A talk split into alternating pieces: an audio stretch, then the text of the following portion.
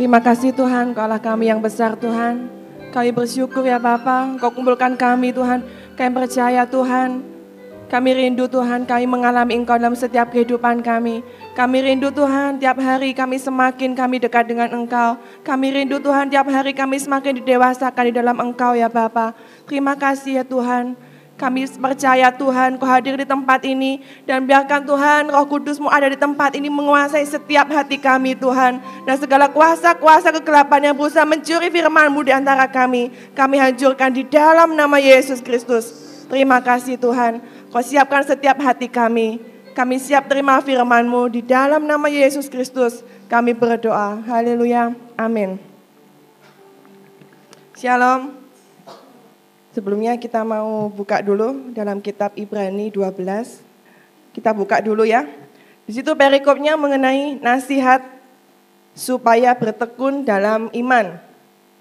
Ya, nasihat supaya bertekun dalam iman. Kita baca dulu ayat yang pertama, kita baca sama-sama. Udah ketemu semua? Kita baca satu, dua, tiga. Karena kita mempunyai banyak saksi, bagaikan awan yang mengelilingi kita Marilah kita menanggalkan semua beban dan dosa yang begitu merintangi kita dan berlomba dengan tekun dalam perlombaan yang diwajibkan bagi kita. Amin. Saudara, hari ini kita akan belajar bagaimana mengenai ketekunan di dalam perlombaan. Ya, di dalam perlombaan. Siapa di sini yang pernah ikut lomba lari atau lomba apa pun? Lomba makan kerupuk mungkin? Ya, lomba apa pun saudara, mungkin kita pernah ikut lomba ya. Saudara, saya percaya hari-hari ini adalah hari-hari perlombaan buat kita. Siapa yang percaya? Perlombaan. Saudara, kalau suasana perlombaan, kira-kira apa yang terjadi saudara, suasana perlombaan? Mungkin perlombaan 17-an gitu ya. Pasti ramai sekali saudara, dan mereka mungkin sangat menginginkan yang namanya kemenangan, betul? Waduh mengharapkan kalau dapat kerupuk makannya gimana. Atau naik panjat pinang mengharapkan televisi yang digantung gitu ya, akhirnya jatuh. Nah saudara, bagaimana dalam suasana perlombaan? Saya percaya saudara, kita nggak mungkin santai-santai. Saya percaya hari-hari ini adalah suasana perlombaan pertandingan iman kita di dalam Tuhan. Nah, bagaimana kita supaya dalam perlombaan ini, dalam pertandingan iman, kita nantinya kalau di lomba pasti keinginannya pasti kepengen menang saudara. Bagaimana hari-hari ini kita berjuang di dalam perlombaan iman kita supaya kita mendapatkan suatu kemenangan di dalam Tuhan. Nah saudara, kalau dalam suatu perlombaan, saya ibaratkan di sini perlombaan lari. ya. Dulu saya pernah waktu SMA atau SMP, saya lupa, ada beda ternyata antara perlombaan dan pertandingan. Betul? Ada yang tahu perlombaan dan pertandingan bedanya apa? Saya agak lupa saudara. Kalau perlombaan itu banyak orang tidak satu lawan satu, seingat saya. Kalau pertandingan itu langsung hadapan, itu seingat saya saudara, nggak tahu saya agak lupa. Karena di sini Alkitab ini dikatakan ada pertandingan, kadang ada perlombaan. Nah ini saya kita bisa bedakan ya. Tapi kita anggap aja itu sama, perlombaan dan pertandingan. Tetapi sebenarnya ada bedanya saudara, perbedaan perlombaan dan pertandingan. Nah saya percaya ketika kita ada dalam suatu lomba lari, saudara, kita ada perlombaan lari, lari estafet atau lari maraton, kita semuanya sudah memulai suatu awal. Kita sudah memulai suatu start yang baik. Ya, ketika kita bayangkan lomba lari semuanya, kita mulai lomba lari, kita mulai dengan start, kita lari begitu kencang saudara. Ketika kita lari pertama, kita lari begitu kencang ya dan kita saat ini ada di dalam lintasan kita masing-masing berlari berlari terus sampai kita mencari dan menuju ke garis finish. Kalau lari jarak pendek, saudara, dia pasti lari sekencang-kencangnya dan dia harus menjaga kestabilannya supaya cepat nyampe. Kalau lari maraton, maraton itu jaraknya panjang ya, nggak tahu berapa kilo, siapa yang tahu berapa kilo? 36 kilo, nggak tahu berapa kilo saudara ya. Pokoknya lari maraton, wah lari kencang saudara. Mungkin pertama kali kita larinya begitu kencang, waduh semangat, asik gitu ya. Nah mungkin kita waktu pertama-tama kita larinya cepat sampai akhirnya kita mendahului teman-teman kita yang lain. Nah ketika kita di tengah-tengah saudara, kita mulai, Aduh kok kesel ya, mana nih garis finishnya? 36 kilo atau 40 kilo, kok jauh sekali ya? Rasanya kok nggak kelihatan ya finishnya. Saudara mungkin kita mulai capek saudara dalam perlombaan kita, dalam lintasan kita masing-masing. Nah, kita mau belajar bagaimana kita bisa mengakhiri pertandingan kita dengan baik. Supaya kita bisa mencapai garis finish dengan penuh kemenangan. Bukan garis finish tetapi kalah nomor terakhir saudara. Ya, Iya nyampe sambil terkeok-keok, aduh gitu ya. Saudara, kita mau seperti Rasul Paulus. Dia berkata apa? Aku telah mengakhiri pertandingan dengan baik. Aku telah memelihara iman. Kita mau, kita semua di tempat ini saya percaya, kita semua ada di dalam perlombaan iman. Kita semua punya lintasan masing-masing. Kita fokus pada lintasan kita sendiri, saudara. Nggak usah lihat lintasan orang lain. Ya, kita rindu, kita menang mencapai garis finish dengan penuh kemenangan. Nah, bagaimana kita bisa mencapai suatu kemenangan? Saya percaya bahwa lintasan hidup kita ini adalah suatu rencana Tuhan di dalam setiap kehidupan kita. Tujuan awal Tuhan menciptakan kita itu adalah lintasan yang harus kita lalui, saudara. Ada tujuan Tuhan dalam hidup kita, yaitu mencapai garis finish. Artinya, rencana awal Tuhan menciptakan kita itulah garis finishnya. Ya, Misal, Fani ini ya. Fani ini ya. Ada suatu rencana awal Tuhan menciptakan Fani. Fani akan menjadi seorang pengusaha yang sukses gitu ya. menjadi seorang pengusaha yang sukses yang akhirnya dia bisa memenangkan banyak karyawannya, bukan ngeruk uangnya toh ya. Memenangkan karyawan-karyawannya, akhirnya membuat persekutuan di sana, akhirnya banyak jiwa yang bertobat. Dan dari uangnya saudara 90% untuk Tuhan. Wah. 10% untuk dirinya sendiri ya. Nah, dia mau dia memberikan uangnya, hartanya untuk Tuhan. Nah, saudara, lintasan Fani ini, ya, itu yang harus dia alami. Proses-proses sampai dia mencapai ke arah sana, dia harus alami. Dia mungkin harus mengalami di UK2 gitu ya, diproses. Mengalami bagaimana dia kehidupan ini, kuliah, aduh susahnya kuliah di akuntansi gitu ya.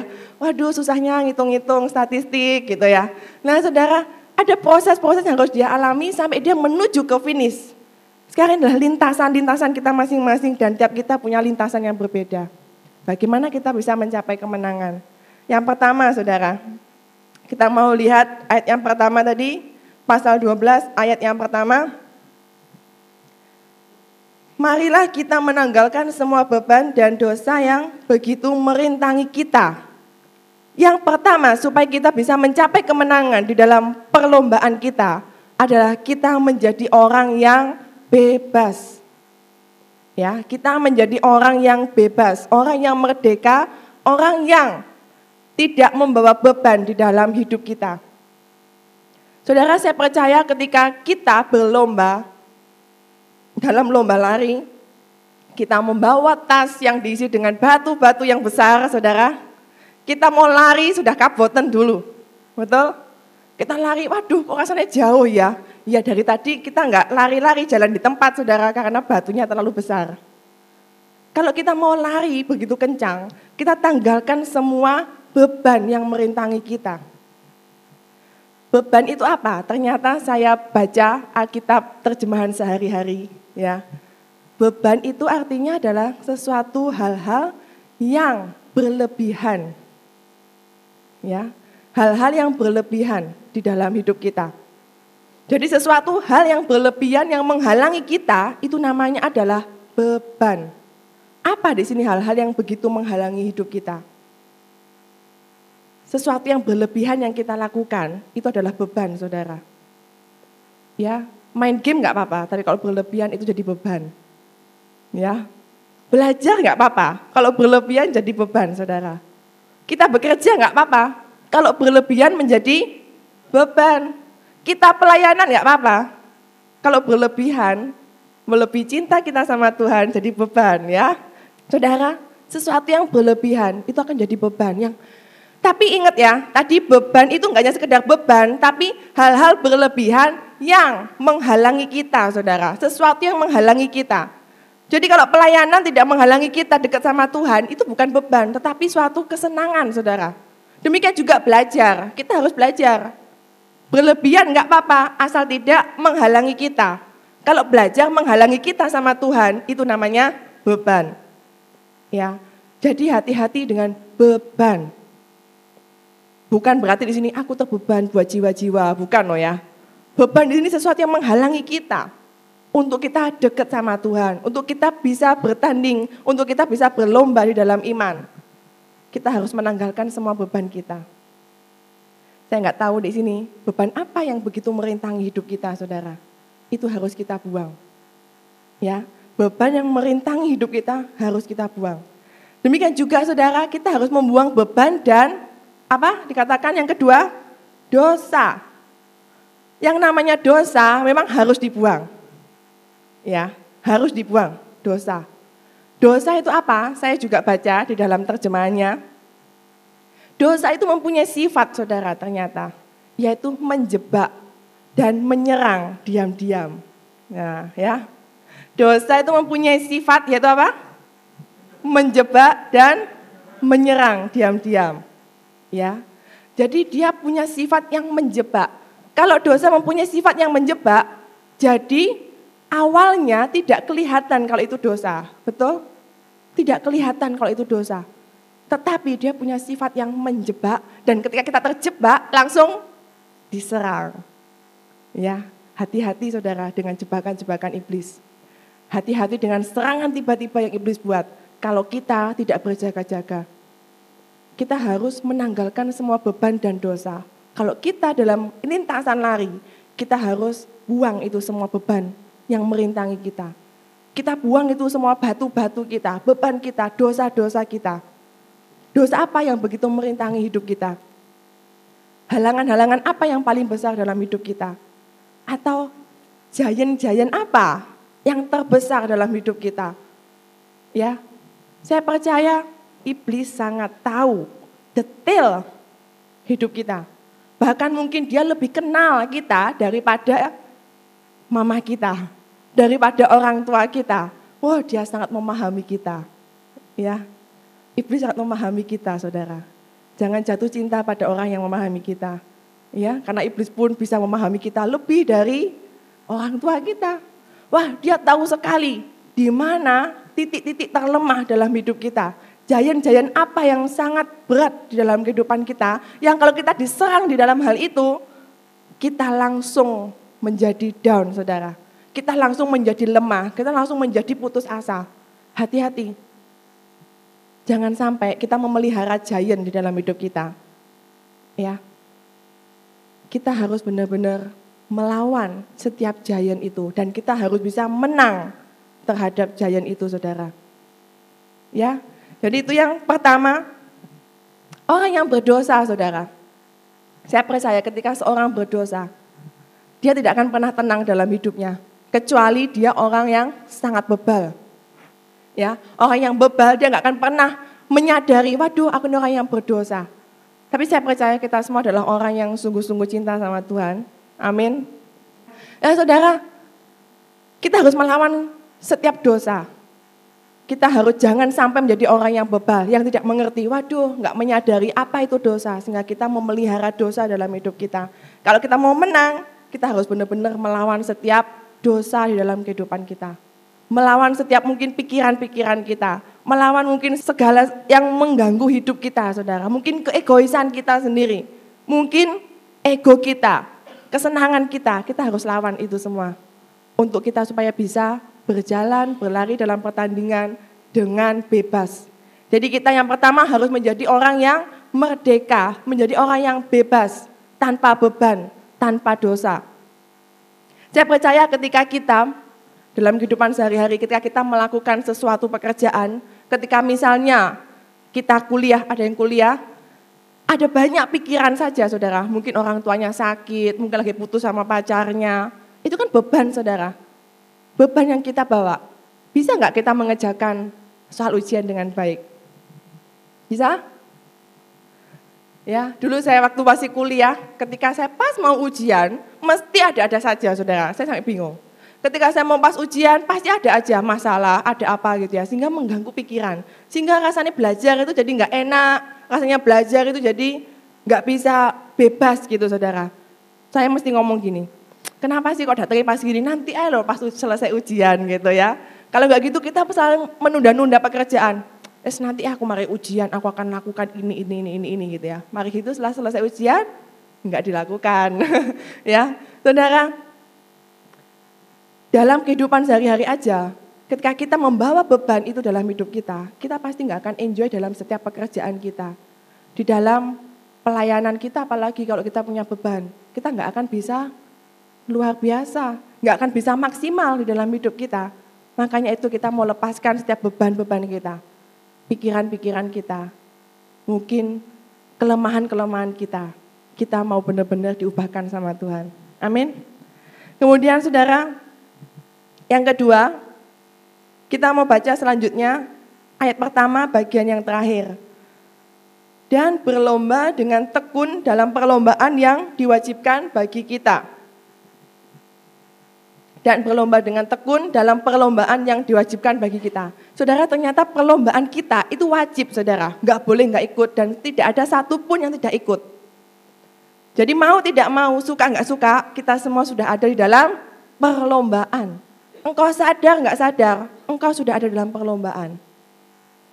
Karena itu kita harus benar-benar sadar, saudara. Ya, aku ada dalam perlombaan. Dan aku sekarang sampai di mana ya? Berapa kilometer ya yang sudah saya jalani? Ya, bisa bayangkan kita sudah berlari sampai di mana dalam pertandingan iman kita? Wajib, saudara. Wajib, wajib harus ikut dalam perlombaan. Dan bagaimana kita dalam berlomba? Kita harus memiliki yang namanya yang kedua, ketekunan. Ketekunan, saudara. Ya, ketekunan itu apa, saudara?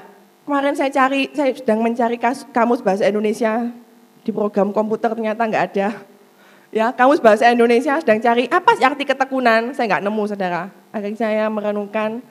Menurut saya, ketekunan adalah suatu karakter yang setia, saudara.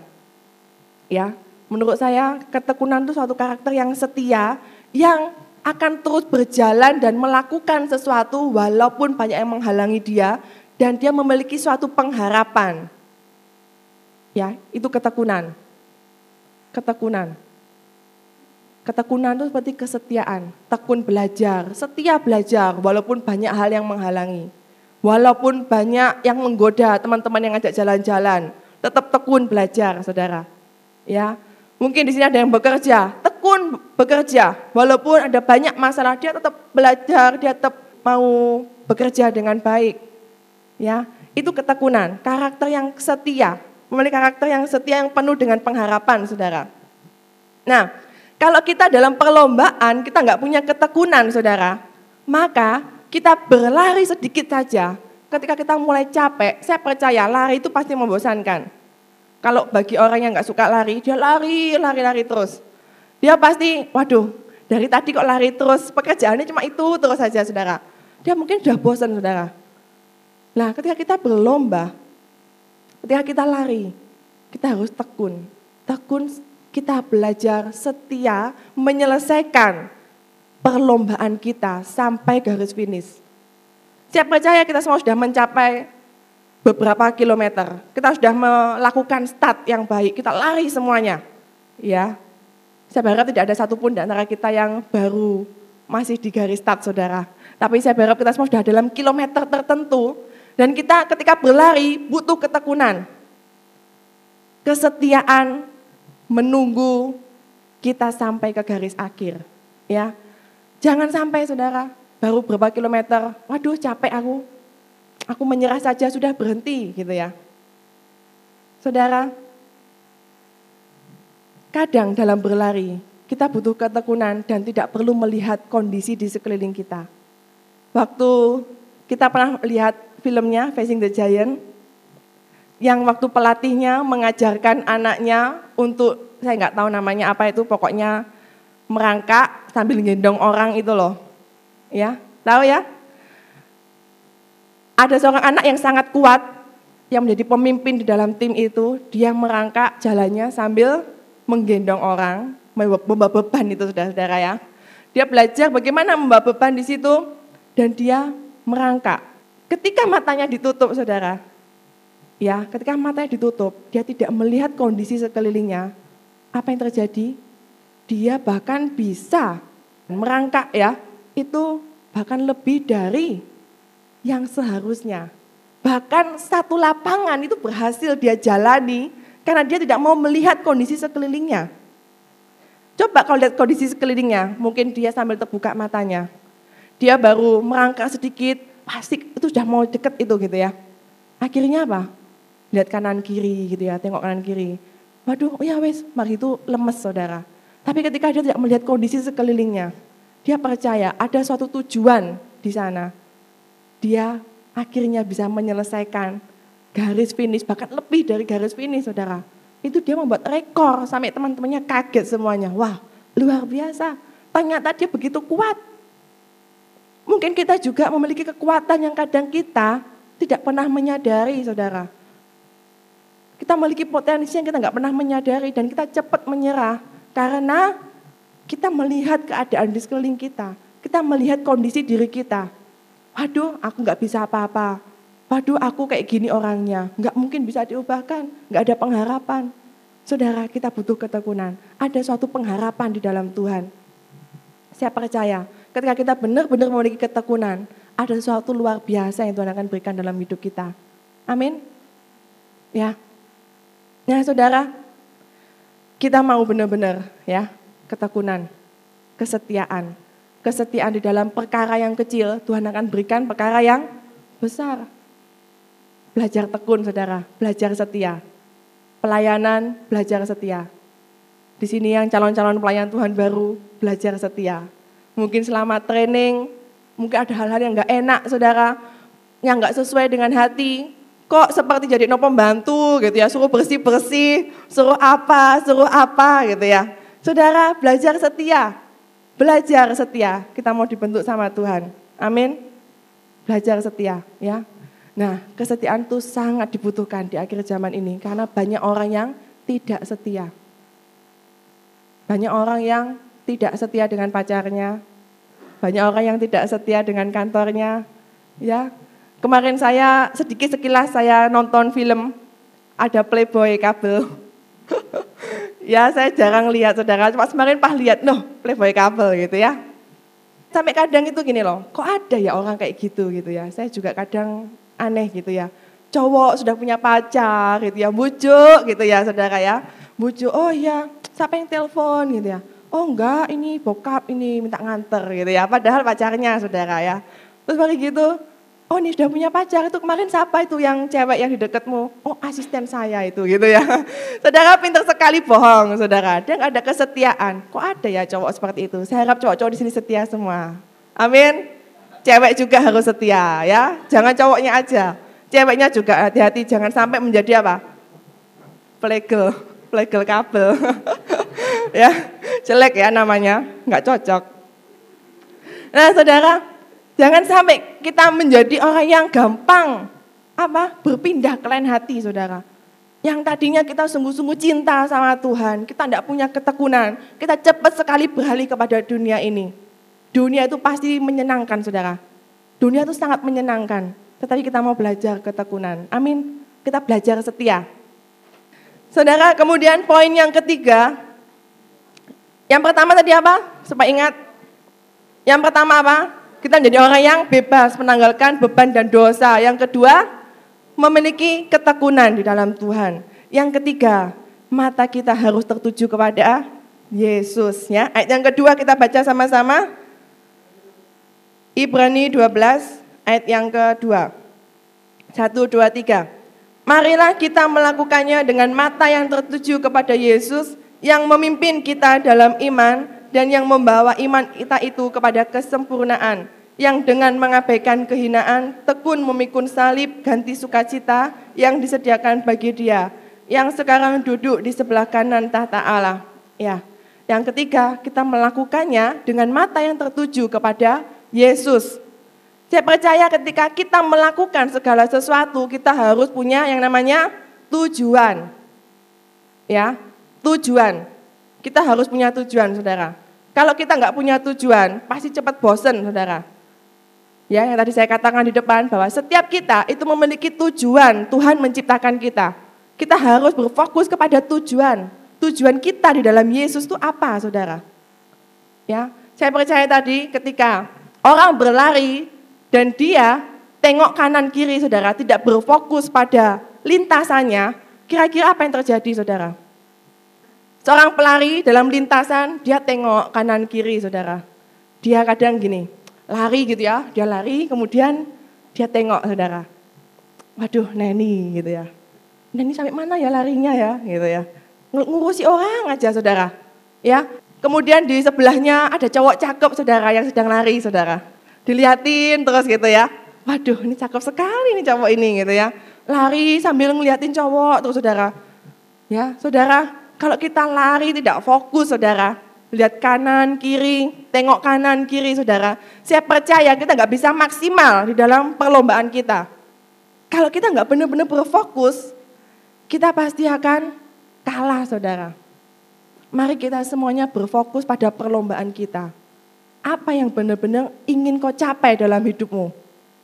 Apa yang benar-benar menjadi tujuan hidupmu? Saudara, walaupun visi kita sudah dibaharui dengan kata-kata yang berbeda. Tetapi saya percaya fokus kita tetap kita rindu menggenapi rencana Tuhan.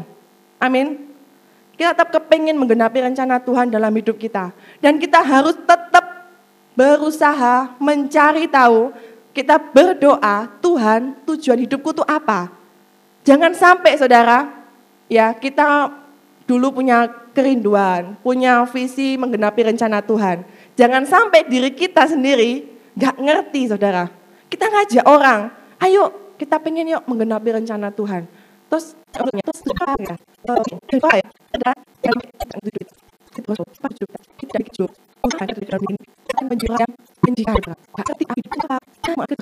ya, kita akan cari apa ya tujuan hidupku, dan memang tujuan hidup kita itu tidak langsung bisa tahu secara Oh tujuan hidup tahu, tapi panggilan kita itu tidak tahu secara vulgar, secara langsung saudara, seketika langsung enggak. Kita perlu mencarinya, menggalinya. Kalau tujuan hidup kita sudah pasti, apa saudara?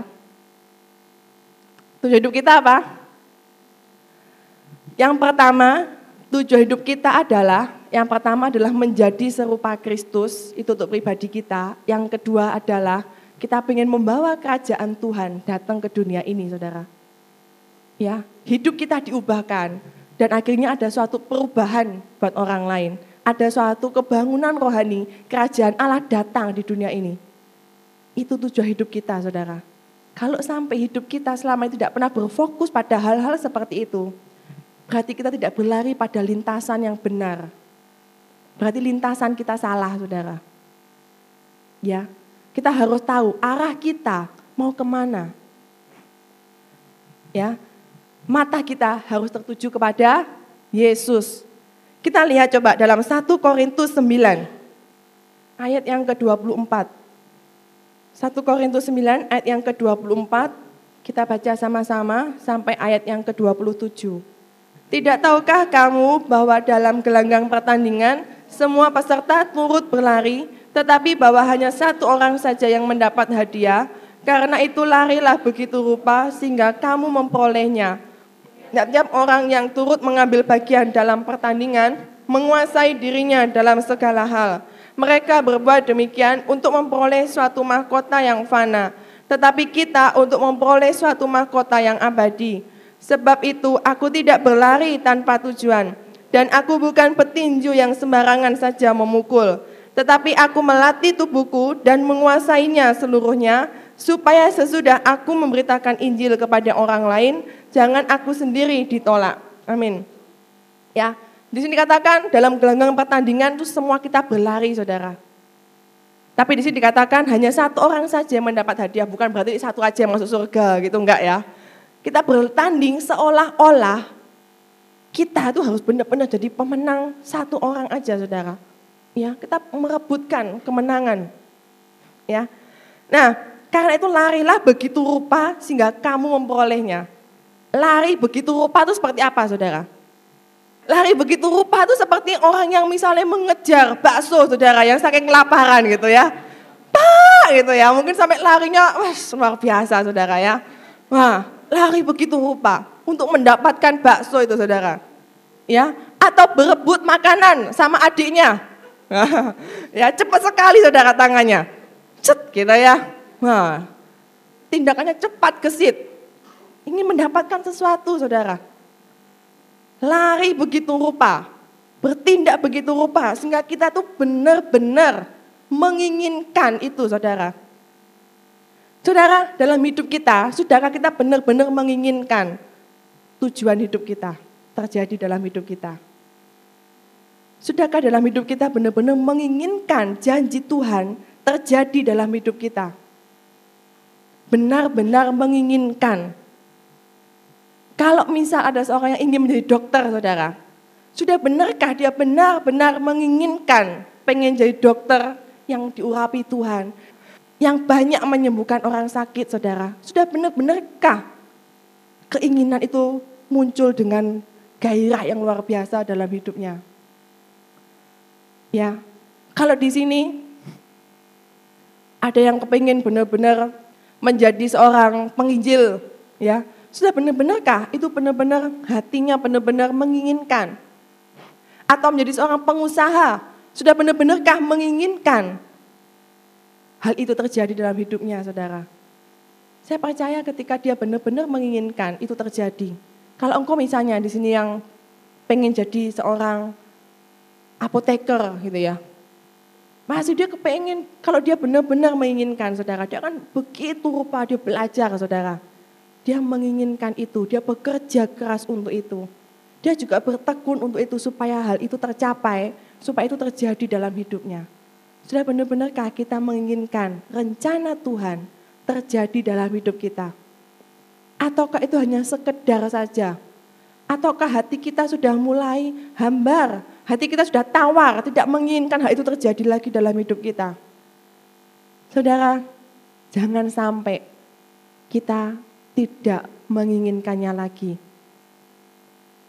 Ya, jangan sampai kita tidak punya kerinduan lagi buat kebangunan rohani saudara. Mungkin karena sudah sering kali jadi bosen. Mungkin karena sudah sering kali dulu tujuh voice, bosen saudara. Saudara saya nggak ngerti kenapa saya tidak pernah bosen dengan yang namanya tujuh voice. Saya nggak pernah bosen yang namanya kebangunan rohani. Saya nggak pernah bosen saudara. Bahkan sering kali ketika saya mendengar klipnya atau saya melihat klip tujuh voice aja, saya nggak ngerti kenapa hati saya itu begitu bergelora dan kepengen nangis saja saudara. Tuhan, saya benar-benar rindu itu terjadi. Saya benar-benar kepengen itu terjadi.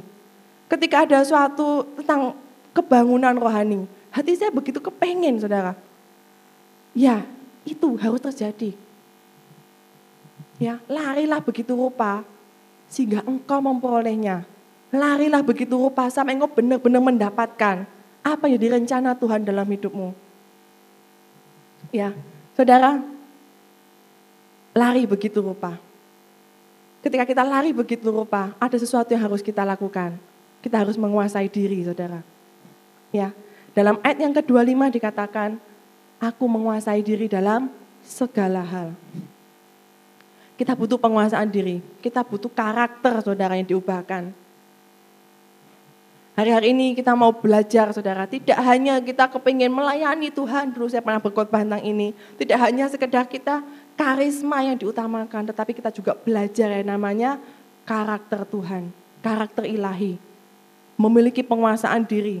Lari begitu rupa, kita menguasai diri dalam segala hal. Dikatakan di situ, mereka berbuat demikian untuk memperoleh suatu mahkota yang fana. Orang-orang, kalau dia mau bertanding atau dia mau berlomba, dia pasti berlatih begitu rupa supaya dia benar-benar bisa menang, saudara. Saya dulu pernah menonton film, ya, nonton film tentang ini, uh, penari es, es skating, eh, es, ya, penari es gitu loh, ya. Pokoknya mamahnya itu, mamahnya sangat kepengen anaknya itu benar-benar menjadi penari itu saudara, penari balet yang di salju-salju itu loh, saya enggak tahu apa namanya itu. Apa? Ya itulah. ya. Nah, ternyata dia sebenarnya nggak suka, saudara. Dia nggak suka sama sekali. Dia pintar sekali dengan yang namanya matematika, fisika, pintar, saudara. Tapi mamanya memaksakan dia, ayo kamu harus jadi sekolah di Harvard atau di mana gitu ya. Ya. Terus anak ini dia senang sekali dengan namanya skating itu saudara. Ya, akhirnya dia belajar skating, dia ketekunan dari hal yang mulai nol, dia belajar saudara. Dan dari situ mamanya supaya dia benar-benar bisa menang dan dia harus banyak latihan dan dia harus menguasai diri dalam banyak hal. Artinya apa? Banyak aturannya ternyata kalau kita mau menang itu saudara. Ya nggak boleh makan hamburger, ya nggak boleh makan es, gitu. bukan makan, minum es gitu ya. Nggak boleh pacaran gitu ya. Iya, saudara sampai mamahnya ini saudara melarang anaknya dideketin sama cowok saudara. Karena dia menganggap kalau kamu dideketin cowok, kamu konsentrasi terganggu. Wow ya. Konsentrasi terganggu nanti. Nggak bisa nanti, tidak latihan. Gitu ya. Ternyata Alkitabiah ini punya menghalangi semua beban-beban dan dosa yang merintangi. ya, ya saudara, dia harus menguasai diri, dia sampai, waduh, tapi dia tertekan saudara ini di konteksnya lain, dia tertekan, waduh aku harus tidak boleh ini, nggak boleh itu, nggak boleh ini, nggak boleh itu, banyak aturan saudara. Demikian juga kalau kita pengen menang, kita menguasai diri dalam segala hal. Kita tahu tujuan kita untuk suatu kemenangan di dalam Tuhan. Kita menguasai diri, kita ikuti aturan-aturannya menguasai diri kita tidak boleh ini, nggak boleh itu. Belajar saudara, belajar taat. Ya. Kemudian aku tidak berlari tanpa tujuan dan bukan petinju yang sembarangan saja memukul. Ya, kita harus punya tujuan. Tidak sembarangan saja kita lari. Coba bayangkan kalau dalam lintasan lari, kita larinya tidak pada lintasan kita, saudara. Kadang, aduh aku coba ah lintasan orang lain gitu ya, geser. Ah coba ah lintasan yang ini gitu ya. Saudara, nggak selesai-selesai ya zigzag gini ya dia larinya. zigzag larinya. Wah, dia membentuk satu gerakan yang pasti luar biasa. Ya, saudara, yang ketiga apa tadi? Apa? Mengarahkan mata kita kepada Tuhan Yesus. Kita harus punya tujuan di dalam Tuhan. Ada satu hal yang saya, satu kata di dalam kita kembali ke Ibrani tadi, Dikatakan kan mata kita tertuju kepada Yesus yang memimpin kita dalam iman. Yang memimpin kita dalam iman, itu artinya, saya, saya renungkan, apa ya artinya memimpin dalam iman? Kenapa kok kita harus mata kita tertuju kepada Yesus yang memimpin kepada iman? Ternyata saudara, kalau mata kita tidak tertuju kepada Yesus, maka kita tidak akan pernah memiliki iman. Dalam perjalanan hidup kita, mata kita harus tertuju kepada Yesus. Karena hanya Yesus yang bisa membuat kita bisa mencapai kepada finish. Tanpa Yesus, saudara, ketika kita tidak melihat kepada Yesus lagi, kita pasti mulai mengandalkan diri kita. Kita mulai melihat diri kita, dan akhirnya kita mulai lemah, kita mulai putus asa. Tapi ketika kita melihat Yesus, kita percaya bahwa Yesus lebih besar dari masalah kita, lebih besar dari semuanya. Amin. Amin. Kemudian saudara saya sekilas aja, sekilas aja, nanti saya akan bahas lebih lanjut di sesi 2. Karena panjang saudara ya. Kalau mau ikut ya apa nanti sampai jam 11 lanjut. ya, kemudian yang keempat, keempat yaitu kita benar-benar kita baca. Kita baca Ibrani 12 lagi. Yang keempat, Bagaimana kita bisa memenangkan di dalam perlombaan iman, yaitu kita butuh yang tadi sudah kita bahas, latihan. Kita butuh latihan dan pembentukan. Ya, tadi sudah ada, di sini akan saya bahas lebih lanjut. Kita butuh latihan dan pembentukan dalam hidup kita. Tanpa latihan dan pembentukan dalam hidup kita, kita tidak akan pernah mencapai kemenangan. Amin. Saya yang benar-benar mau dilatih, dibentuk sama Tuhan, harus benar-benar saudara menyakitkan di bentuk itu saudara. Banyak hal yang mungkin tidak enak terjadi dalam hidup kita. Coba kita mau lihat di dalam Ibrani 12 tadi ayat yang ketiga. Kita baca sama-sama sampai ayat yang ke-11. Ibrani 12 ayat yang ketiga sampai 11. Satu, dua, tiga. Ingatlah selalu akan dia yang tekun menanggung bantahan yang sehebat itu terhadap dirinya dari pihak orang-orang berdosa, supaya jangan kamu menjadi lemah dan putus asa. Dalam pergumulan kamu melawan dosa, kamu belum sampai mencucurkan darah. Dan sudah lupakah kamu akan nasihat yang berbicara kepada kamu seperti anak-anak? Hai anakku, janganlah anggap enteng didikan Tuhan, dan janganlah putus asa apabila engkau diperingatkannya. Karena Tuhan menghajar orang yang dikasihinya, dan ia menyesatkan aku yang benar. Jika kamu berusaha jahat, melakukan serta di terpaan anda olehnya, beribadah yang kita lakukan setiap selanjutnya berikan keserannya, tidak boleh dan baik tahu kau di atas tangan apa dapat supaya boleh sebagai pendidik dan mengendek sesuai dengan panggil angki, apa yang untuk kita, supaya boleh bintang kudusnya. Kejar kalau bukan bukan tak dan kemudian yang sedang benar, yang damai, mereka yang dilihat Amin. Ya, sudah berbaca semua? Ya, kita saya percaya kita itu anak-anak Tuhan. Kalau kita benar-benar anak Tuhan, anak-anaknya Tuhan pasti akan dididik oleh Bapaknya. Justru kalau kita tidak pernah dihajar sama Tuhan, kita tidak pernah mengalami sesuatu saudara, tidak pernah dibentuk sama Tuhan, firman Tuhan berkata, berarti itu anak-anak gampang saudara.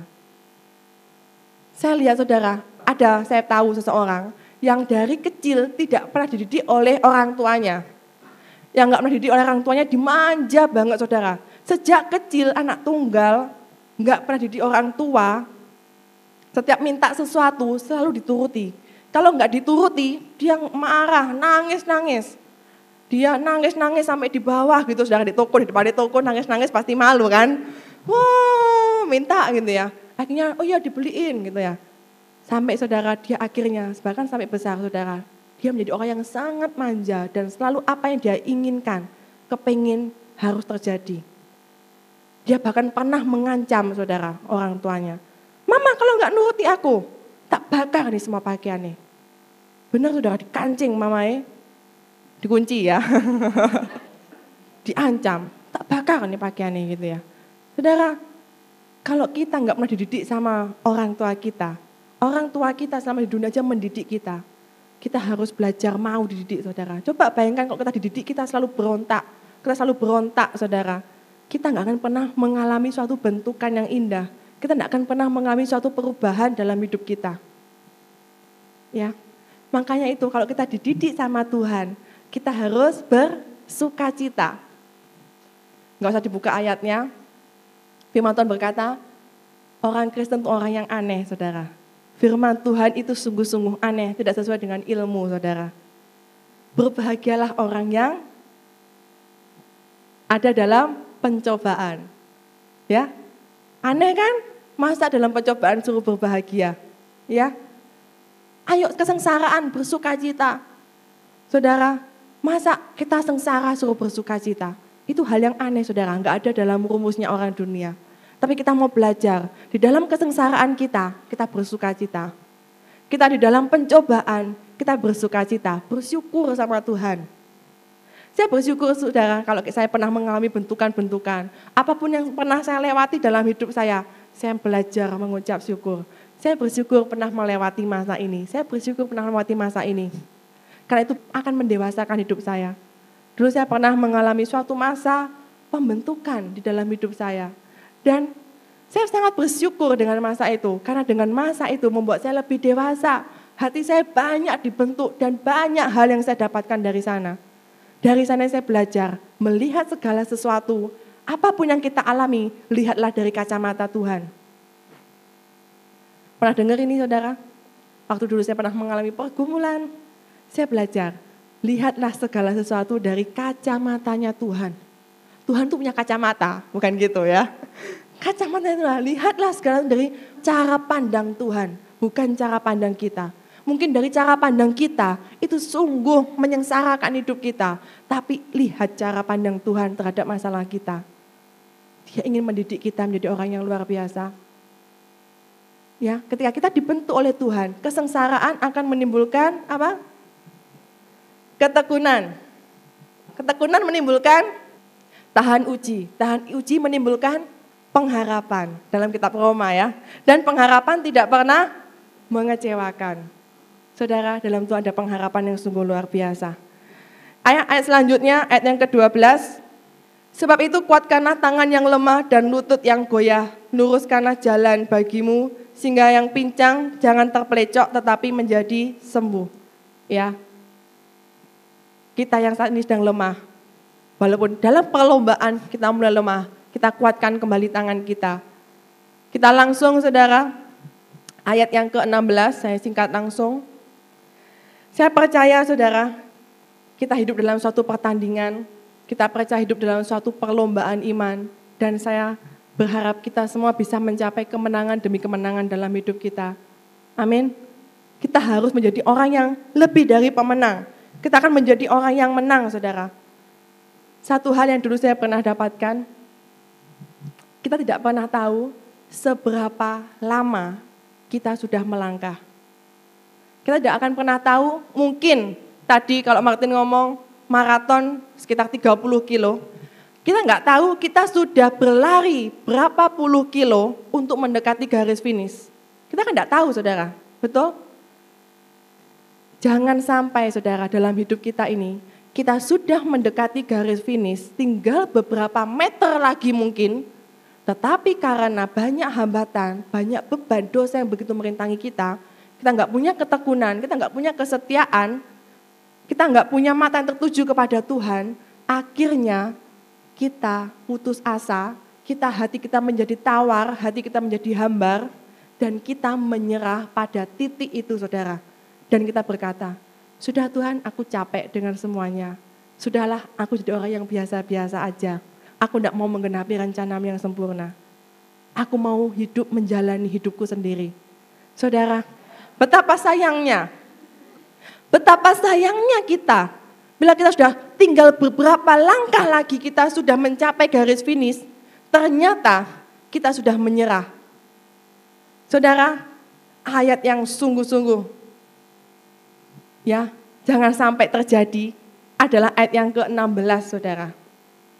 Dalam hidup kita, di dalam pertandingan kita, di dalam perlombaan iman kita, jangan sampai kita menjadi seperti Esau.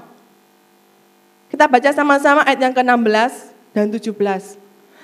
Janganlah ada orang yang menjadi cabul atau yang mempunyai nafsu yang rendah seperti Esau yang menjual hak kesulungannya untuk ya Sebab kamu tahu bahwa kemudian ketika ia hendak menerima berkat itu, ia ditolak sebab ia tidak beroleh kesempatan untuk memperbaiki kesalahannya sekalipun ia mencarinya dengan mencucurkan air mata. Ya. Saudara jangan sampai nasib kita seperti Esau. Esau sudah diberikan sesuatu berkat yang sebenarnya untuk dia, Saudara.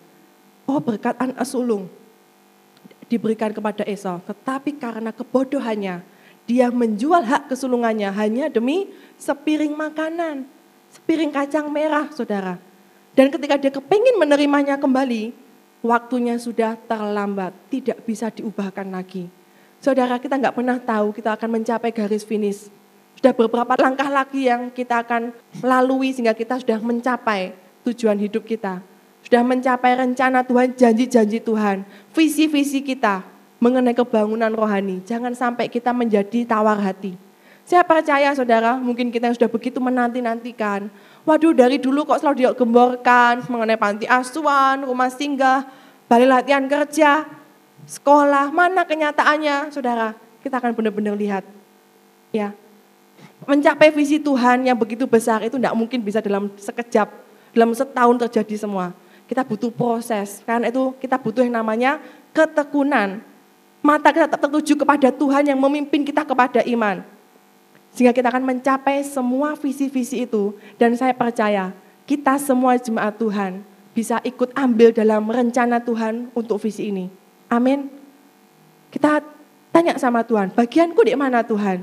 Dan aku percaya kita akan dipakai Tuhan sungguh luar biasa. Tapi jangan sampai kita menjadi seperti Esau yang menjual kasih karunia yang sebenarnya sudah diberikan kepada dia dibuang begitu saja. Firman Tuhan berkata di sini di atasnya, jangan seorang pun menjauhkan diri dari kasih karunia Tuhan. Saya percaya kasih karunia Tuhan begitu besar bagi kita. Amin.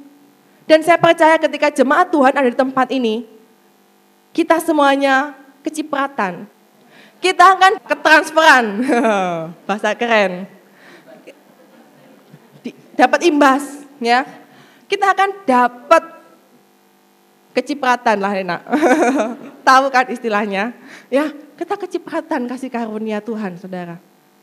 Saya percaya ada beberapa kesaksian juga, iya C, aku benar-benar merasakan kasih karunia Tuhan, aku gini, gini, gini, gini. ya. Saya percaya bahkan nantinya keluarga kita akan kecepatan juga, betul? Melalui kita saudara, kita punya kasih karunia Tuhan. Kita salurkan itu kepada keluarga kita. Dapat kasih karunia Tuhan. Luar biasa saudara, jangan menjauhkan diri dari kasih karunia. Tetap setia dan tekun terhadap visi Tuhan, terhadap pertandingan iman kita. Jangan sampai kita menyerah. Amin. Makanya kita tutup Alkitab kita. Terima kasih Tuhan, kaulah kami yang besar ya Bapa. Biarkan firman-Mu Tuhan menguasai setiap hidup kami. Nyatakan kemuliaan-Mu di tempat ini Tuhan. Kau selidiki setiap hati kami ya Bapak. Kami percaya kami semua sedang bertanding dalam pertandingan iman ya Bapak. Kami ada dalam suatu lintasan yang sudah kewajibkan bagi setiap kami. Ajari kami Tuhan tetap setia pada setiap lintasan yang sudah Engkau berikan pada setiap kami ya Tuhan. Ajari kami Tuhan, tekun memikul salib Tuhan. Kami percaya ketika kami memikul salib yang Kau berikan Tuhan, kami percaya Tuhan ada sukacita yang luar biasa dalam kehidupan kami. Kami akan bersuka cita Tuhan dalam setiap penderitaan. Kami bersuka cita atas kesengsaraan kami. Karena kami percaya Tuhan setiap bentukan-bentukanmu dalam hidup kami tidak akan terbuang dengan percuma ya Bapak. Oh Yesus Tuhan. Ubahkan setiap hati kami Tuhan. Ubahkan setiap respon hati kami ya Bapak. Kami percaya Tuhan ketika hati kami merespon akan panggilanmu Tuhan. Merespon akan firmanmu Tuhan. Akan terjadi perubahan demi perubahan dalam hidup kami. Dan kami akan semakin diubahkan jadi serupa seperti Engkau Tuhan. Biarkan mata kami tertuju kepadamu Yesus. Bahwa kami Tuhan, kami mengenal isi hatimu ya Bapa. Mari saudara kita mau renungkan firman Tuhan. Kita tidak akan menyerah dengan apa pun juga. Mungkin banyak beban dosa kita. Saat ini kita mau buang setiap beban dosa yang begitu merintangi kita. Kita menjadi orang yang bebas. Kita enggak menjadi orang yang selalu terikat dengan kuasa dosa, saudara. Mari kita berdoa kepada Tuhan. Tuhan ampuni setiap dosa kami, Tuhan. Miliki tekad di hadapan Tuhan. Tuhan, aku mau berubah. Aku mau buang setiap beban-beban itu. Aku mau buang setiap dosa-dosa yang mengikat aku. Biarkan aku berlari begitu rupa Tuhan. Aku mau berlari pada panggilanmu Tuhan. Aku mau berlari pada panggilan surgawi Tuhan. Aku mau melupakan apa yang telah lalu. Aku mau melupakan apa yang ada di belakangku ya Bapak. Biarkan aku berlari-lari pada tujuan kami. Kami percaya Tuhan, Rencanamu pada tiap pribadi kami sungguh luar biasa. Tuhan kami nggak rela Tuhan. Rencanamu terjadi dalam hidup kami dengan tidak sempurna Tuhan. Kami tidak rela Tuhan rencanamu gagal dalam hidup kami. Dan kau gantikan dengan orang lain ya Bapak. Kami nggak mau seperti Esau Tuhan yang menjual hak kesulungan kami. Hanya dengan hal yang sia-sia Tuhan. Kami nggak mau menjual engkau dengan dunia ini Tuhan.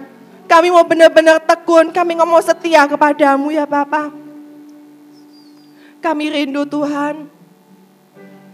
Kami rindu visi yang ada di tempat ini terjadi ya Bapak. Kami rindu kau pakai setiap kami di tempat ini Tuhan. Pakai kami sebagai alatmu Tuhan di akhir zaman ini. Berikan apimu dalam setiap hati kami Tuhan. Berikan api yang bergelora dalam hati kami. Ampuni setiap hati-hati kami yang tawar Tuhan.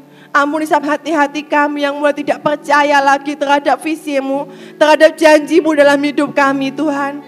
Ajari kami percaya kepadamu Yesus. Ajari kami memiliki iman kepadamu ya Bapa.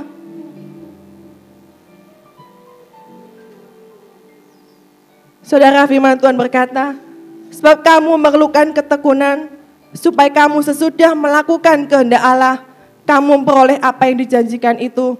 Sebab sedikit, bahkan sangat sedikit waktu lagi, dan ia yang akan datang sudah akan ada tanpa menangguhkan kedatangannya. Tetapi orangku yang benar akan hidup oleh iman, Dan apabila ia mengundurkan diri, maka aku tidak berkenan kepadanya. Tetapi kita bukanlah orang-orang yang mengundurkan diri dan binasa, tetapi orang-orang yang percaya dan yang beroleh hidup. Amin Tuhan, kami percaya Tuhan. Kami bukan orang yang mengundurkan diri. Kami adalah orang-orang yang percaya kepadamu yang beroleh hidup. Kami hidup dari iman kami kepadamu ya Bapak. Saat ini kita mau berkomitmen di hadapan Tuhan. Tuhan apa pun yang terjadi dalam kehidupan kami, kami adalah milikmu ya Tuhan. Walaupun banyak pergumulan yang kami alami Tuhan.